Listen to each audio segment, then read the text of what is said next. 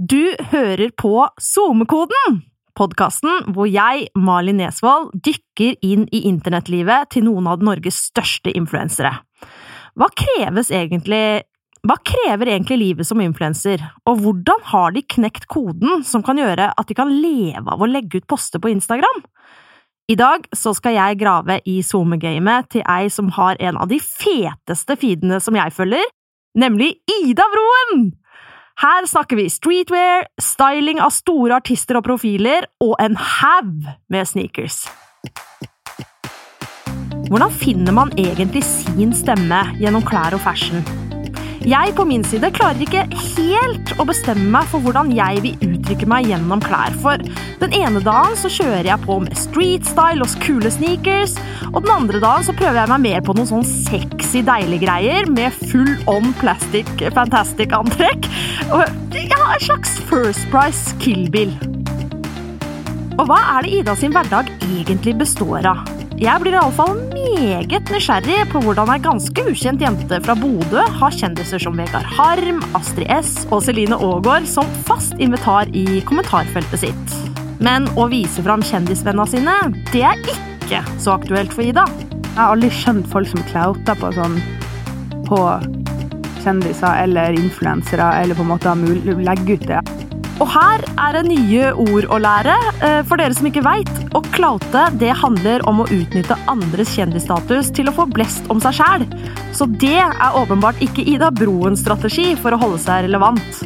Så da lurer jeg på, hva er egentlig strategien bak Norges kuleste livsstilsprofil? Jeg har ikke noe sånn klar strategi. Jo, det har du vel. Og det hadde jeg selvfølgelig rett i, men det skal vi komme tilbake til. Før vi blir bedre kjent, la oss plassere Ida på SoMe-kartet. Jeg er 26, og jeg er fra Oslo. Eller nei, jeg bor i Oslo.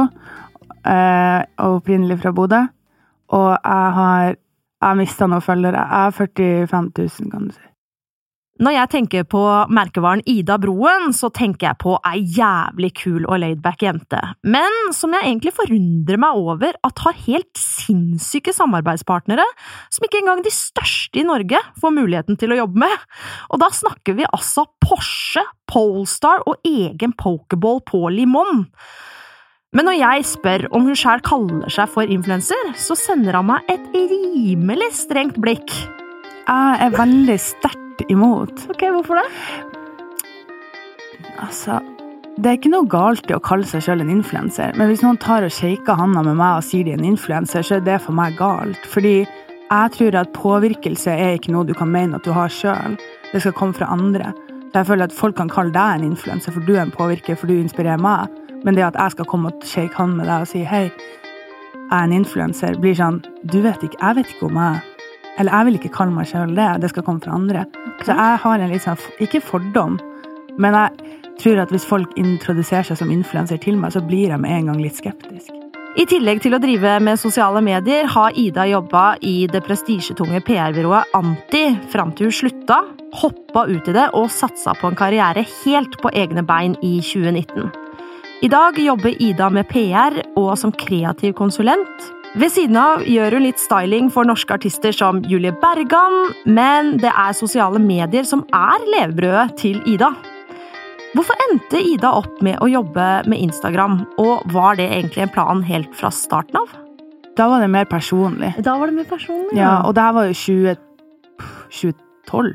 Ja, Nei, 2011-2012. Og helt til 2014-2015, det var da jeg begynte liksom å tenke sånn Nå skal jeg bare begynne å dele ting som jeg syns er fett. Så jeg begynte å dele sneakers, begynte å jobbe med litt med New Balance, begynte å jobbe på Stress. Ja, og her må jeg bare raskt skyte inn at Stress det er en sneakersjappe i Oslo, hvor kjendiser som Arif og Chris Abolade og han derre fotografen Mike også har jobba. Det er veldig mange som har kommet før meg med liksom alle de um, elementene her, på en måte sneakers og streetwear og alt det her, men det var ingen som turte å dele det. Jeg følte meg kanskje litt alene om å dele det, og på en måte tørre å være i det. da. Men alt jeg har lagt ut, er bare for gøy. Og jeg vil at det skal være bare gøy. Så jeg tror det er veldig viktig å, å begynne der. Hvorfor fant du ut at dette er noe jeg skal prøve å se om fungerer? Jeg begynte med det her for at det skal være gøy. Alt jeg la ut, skulle være gøy. Hvis man går inn med innstilling om å tro at man skal tjene penger på mm. noe, så tror jeg man går inn med feil eh, verdier. Man skal gå inn med det liksom med hjertet sitt og på en måte tenke gjennom eh, hvorfor man skal starte. Altså, hvorfor skal jeg drive med det her? Jeg begynte med det her for at det skal være gøy. Og der er Ida inne på noe som jeg følte meg litt truffet av. Ikke fordi jeg har gått inn i det her med en tanke om å tjene penger, men fordi jeg stadig vekk mister meg sjæl litt på veien og nesten glemmer hvorfor jeg driver med dette. Og det er da jeg liksom faller ned i gjørma og begynner å sammenligne meg med alle andre på internett. Særlig når jeg mister følgere. Og i det siste har jeg mista mange. Nesten 1000 stykker. Da trenger du ikke de tusen. Det er sånn jeg tenker. Hver gang jeg mister noen, så er det folk man ikke trenger. Må heller ha lojale, engasjerte følgere. Så med en gang du mister noen, så er det for at ikke de trenger å være med videre på den reisen. Kjenner at det er et mindset jeg trenger å adapte. Det, for det er ikke jeg blir sånn Hva har jeg gjort? Hva har jeg gjort? Man tror at man har gjort noe galt, men så må man også sette seg ned og tenke sånn Hver gang jeg går inn på en profil, da, så tenker jeg eh, Trenger jeg det her i feeden min? Det betyr ikke at jeg ikke liker den personen, eller at jeg liksom misliker noe, men, Mm. men det er kanskje innholdet som kanskje ikke inspirerer meg, eller får meg på riktig kjør. Da. Så jeg tror man må slutte å ta det personlig. Tar du det ikke litt personlig? For jeg kjenner sjøl i hvert fall at uh, man er jo på en måte litt sin egen merkevare. Sånn at Mm. Uh, nå, vet, nå er jo du kanskje litt mindre personlig enn det jeg er i sosiale medier. Ja, men det er Eh. veldig fint. Det er jo akkurat det som gjør sosiale medier så fint, da. Ja. At man har muligheten til å ha ulike profiler. Sånn, jeg vil jo, jeg vil jo ikke at du skulle noen gang forandre at du er personlig. Nei, men det er der jeg mener at når, eh, når eh, man da mister følgere, så blir det sånn, da føler jeg at det også går på meg som person. At ikke det handler om bare det innholdet jeg lager, men på en måte sånn oi. Mm. Er, er, jeg, er jeg kjedelig? Er jeg Mm. stygg? Har jeg sagt noe feil? Har jeg sagt noe feil? Ja, ja. Eh, Men du har ikke det. Nei, men du har ikke det. Nei. Hvis man skal bry seg om hva folk tenker om deg, da kan man ikke holde på med deg. Men helt ærlig, dette tenker jeg er lettere å si for Ida enn for meg. For Ida er jo ganske beskjeden med hva hun deler av seg sjæl inne på Instagram. Altså, jeg snakker jo med vennene mine hver dag om det her. Ida, du må bli mer personlig. Men så er jeg sånn, går jeg tilbake i meg sjøl og tenker Jeg er jo Hele plattformen har jeg bygd opp med å være mystisk og low-key. Folk vet egentlig ikke hva jeg driver med. Og jeg liker det. Men på en måte så vil jeg også at folk skal sette seg ned og forstå sånn hvor mye jobb det har vært. Fordi man vokser opp i et samfunn nå som 00 eller 01 og alle de Tallene der. som jeg trodde var så langt unna meg, men de blir jo voksne, de òg. Så jeg tenkte, når de kommer etter og ser liksom, oi, shit, og Ida har fått til det her, og jobba med de, og gjør det, og liksom Så tenker jeg, jeg har ikke lyst til at de skal sitte og tenke sånn at det handler bare om bilder. Jeg har lyst til å inspirere folk til å tenke og s- forstå hvor mye man har jobba for det, hvor mye man har reist, hvor mye man har snakka, hvor mye man har jobba med seg sjøl. Men er det noe som gjenspeiles i det du legger ut? Får folk det, det Nei. inntrykket? Ikke nok. Er det en del av strategien din å på en måte være mystiske Ida, da? Jeg tror, eh, når du spør meg rett ut, så ja, det er jo strategisk. Ja, det og det er det. fordi at jeg ikke vil at eh, Jeg syns det er skummelt å være personlig fordi det blir enklere å, å mene noe. Jeg har jo veldig lyst til å bli mer personlig, og jeg syns jo at det er veldig viktig, men jeg har jo, deler jo ikke privatlivet mitt. Nå har jo jeg fått meg kjæreste. Ja, det, det, jeg så en story med en hånd som leide. Da Ja. tenkte jeg sånn Veldig fint. Oi. Men eh, veldig personlig, det òg. Og veldig mystisk, det lille, den lille hånda der. òg. det var ikke liksom 'Jeg har fått meg kjæreste'. Nei, men jeg tror det er min måte å gjøre det på, for jeg har ikke lyst til at folk skal ta en stor del av det. Det jeg vil finne ut av i dag, er jo om det er helt tilfeldig at Idas profil er så dritkul som den er, eller er det faktisk en nøye planlagt strategi bak? Min strategi er egentlig bare det at jeg ønsker å fortsette å være meg sjøl, tørre å si mer nei enn ja, og også tørre å tenke mer på kvalitet enn følgere og likes. Så jeg tror det, det er så viktig. Jeg er så mye med folk i bransjen som liksom tenker så mye på at jeg må pushe ut så og så mye, jeg må pushe ut to poster om dagen. Jeg bare, jeg trakk meg tilbake på et tidspunkt og tenkte Ida, hvorfor starta du? Apropos strategi. Ja. Jeg starta for jeg har lyst til å legge ut det som er gøy. Jeg har lyst til å legge ut ting som, som er meg. Mm. Ting som inspirerer meg. Ikke for at jeg vet at jeg kan gain 2000 for, uh, likes hvis jeg legger ut et bilde av ringene mine. Skjønner du? Det er ikke det som er viktig. Og det var vanskelig. Jeg har jo dårlige dager, jeg òg. Men jeg tror at det er veldig viktig å tenke gjennom at folk følger deg for en grunn. Mm -hmm. følgere og likes har egentlig absolutt ingenting å si. Og det er mye viktigere å bygge opp noe som er kredibelt, og, og, og som gjør at du har, får respekt. Mm. Så jeg tror jo sånn Jeg kunne sikkert ha pleasa alle og hatt en A4-stil og på en måte nådd ut til et større spekter, men da vil jeg heller nå til min målgruppe, for det er de jeg vil jobbe med. Det er de jeg vil at skal følge meg. Og så det er de jeg vil skape kredibilitet og, og på en måte respekt av. Jeg trenger ikke alle de andre. Og, og det er veldig lett å, å dette ut av det. Det er veldig lett å begynne å tenke veldig kommersielt. Det er veldig lett å begynne å tenke veldig på følgere og likes, men, Mhm. men i, i enden så må du sette deg ned og tenke sånn Mm. Hvorfor bryr om, hvorfor bryr jeg meg om det her? Mm. Jeg tror det er mye viktigere å bygge opp noe som du kan være stolt av, og noe du har, noe du har lyst til å gå tilbake på og vise kidsene dine. Bare shit, det her er mammaen min, liksom. Og det er kanskje her jeg har noe å lære. Jeg vil gjerne treffe alle, mens Ida har stikk motsatt strategi. Og mens jeg er livredd for å si nei til kunder fordi jeg er redd for å miste potensielle muligheter, så virker det som at Ida heller tenker at merkevaren er heldig som får jobbe med henne. Men jeg tror det som gjør reklame troverdig i dag, er at man, um, at man klarer å skape noe eget i alle kommersielle samarbeid, samarbeid man gjør, da. Og at man tør å si nei til, til ting som ikke gainer deg i lengden. Og hvem er det hvem er det du har sagt nei til? Tør du å si noen du har sagt nei til? Hvis det er feil kategori, da, eller at de ber om for mye og ikke forstår verdien din, så sier jeg nei. Mhm. eh, så eh, jeg har jo liksom lyst til Jeg vet jo at du jobber med en aktør som, som også har spurt meg, som jeg har jobba med i mange år, eh, som er Zalando. Men jeg syns at de krever altfor mye i forhold til det man får tilbake, da. Mhm. Så ikke at jeg sier at det er galt, men jeg tror man også av og til må sette seg ned og tenke hva er det egentlig de vil ha av meg, og hvor mye rettigheter gir jeg bort fra meg sjøl. Mhm. Men jeg elsker den sida. Jeg, ja, men de har, alt, de har alt jeg har lyst på. Men det er bare innholdet og, og mengden av det som blir for mye. Jeg tror ikke på at den ene storyen der har noe å si for det, det du skal få betalt. Jeg tror det er på helheten, da. Apropos det å få betalt. Hvor mye koster det å kjøpe tjenester av Ida Broen? Det har jeg ingen kommentar til. Expensive! Nei, nei. Nei, men det koster det det koster, og det er veldig enkelt å finne ut av det. Hvis du drar til et agentur, så kan du spørre hva det koster. Det kommer jo an på kunden, hvordan jeg møter med priser og diverse andre ting. Mm -hmm. Og så er det veldig mange som kommer inn i bransjen nå og på en måte er gaina 40 000, 50 000 sånn, Mhm. og så tar de ingenting betalt. Det ødelegger for markedet, det ødelegger for oss. Så det er viktig å sette krav, det er viktig å be om penger, det er viktig å få betalt. Men jeg er også veldig for å jobbe gratis, fordi det gjorde jeg i veldig mange år.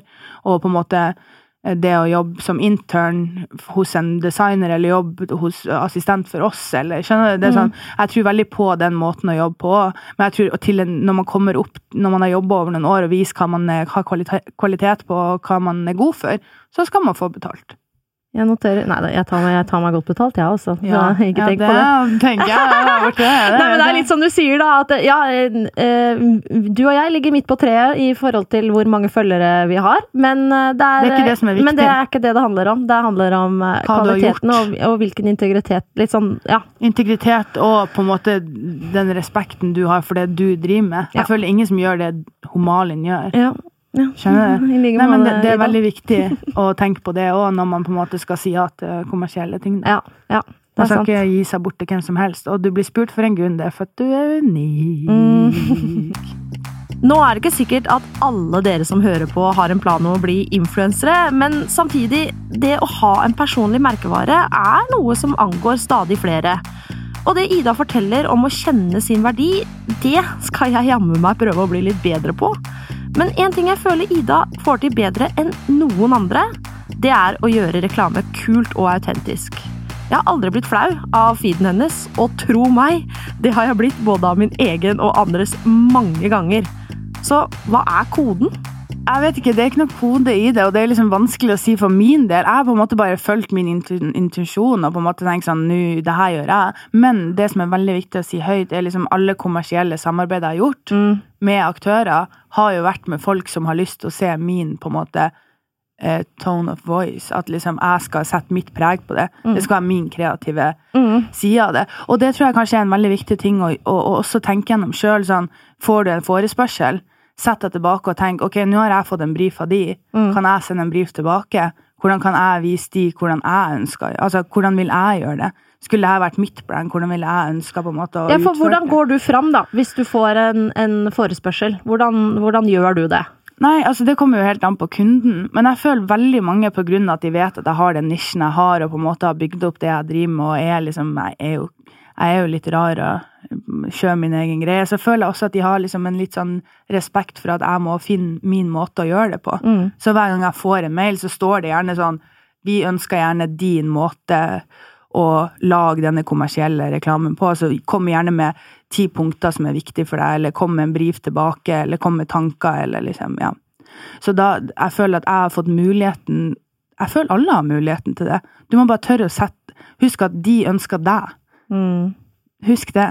De har sendt deg mail for at de vil ha Homalin med. Det er jo ikke sånn at de spør hvem som helst.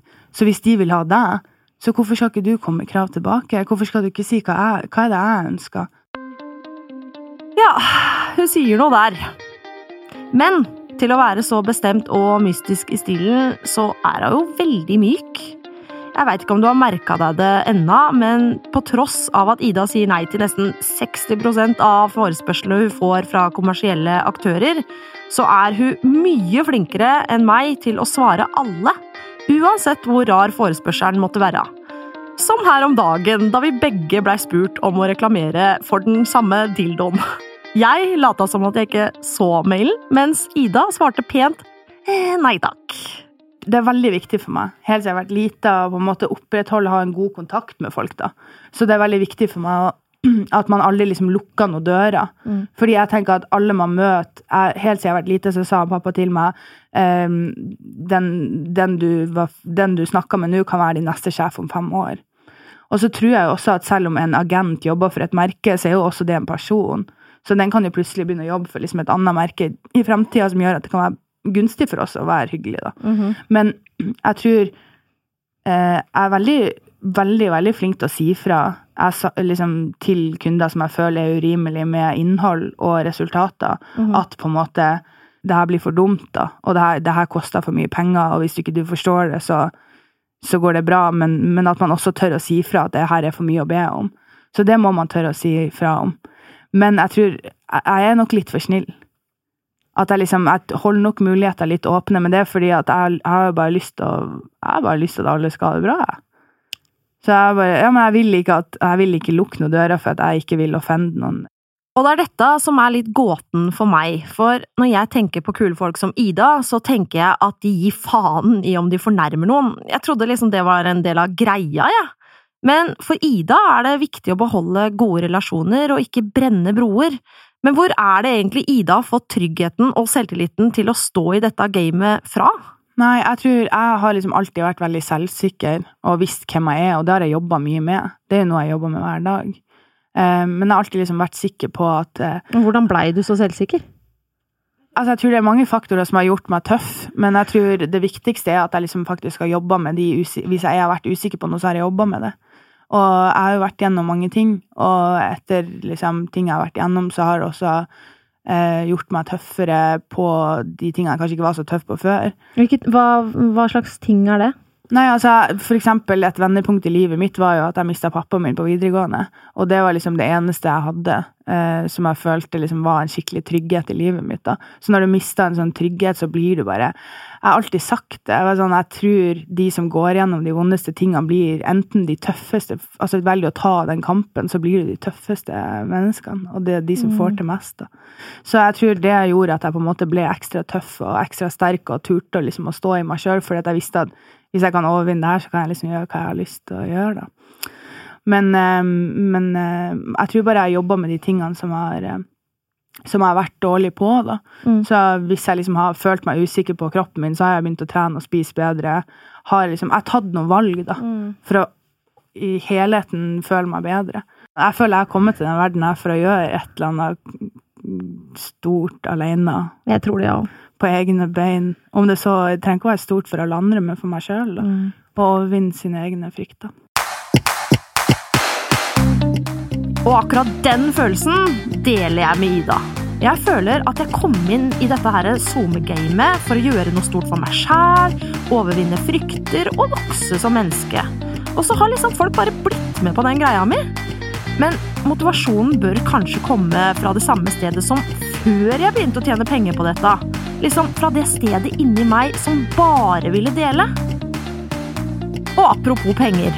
Ida mener at det er viktigere å holde seg tro til merkevaren sin og ikke la seg friste av raske penger. At hun høflig takker nei til folk, er også kanskje bedre enn min strategi om å ikke bare svare i det hele tatt. For som hun sa, man veit jo faktisk aldri når den personen dukker opp igjen og kan gi deg andre sjukt gode muligheter. For meg så viser det at hun tenker flere år fram i tid, hun. Og det er jo kanskje ikke så mange Instagram-profiler som faktisk gjør. Ja, så er hun kanskje ikke den man har forrest i pannebrasken når man tenker på influensere. Og Ida blir nok ikke å se på Farmen kjendis som med det første. Merkevaren hennes vokser saktere enn mange, men plattformen hennes oppleves jo som mye mer ekte. Ida er real, liksom, og den integriteten hun har opparbeida seg, den er vi mange som ønsker oss.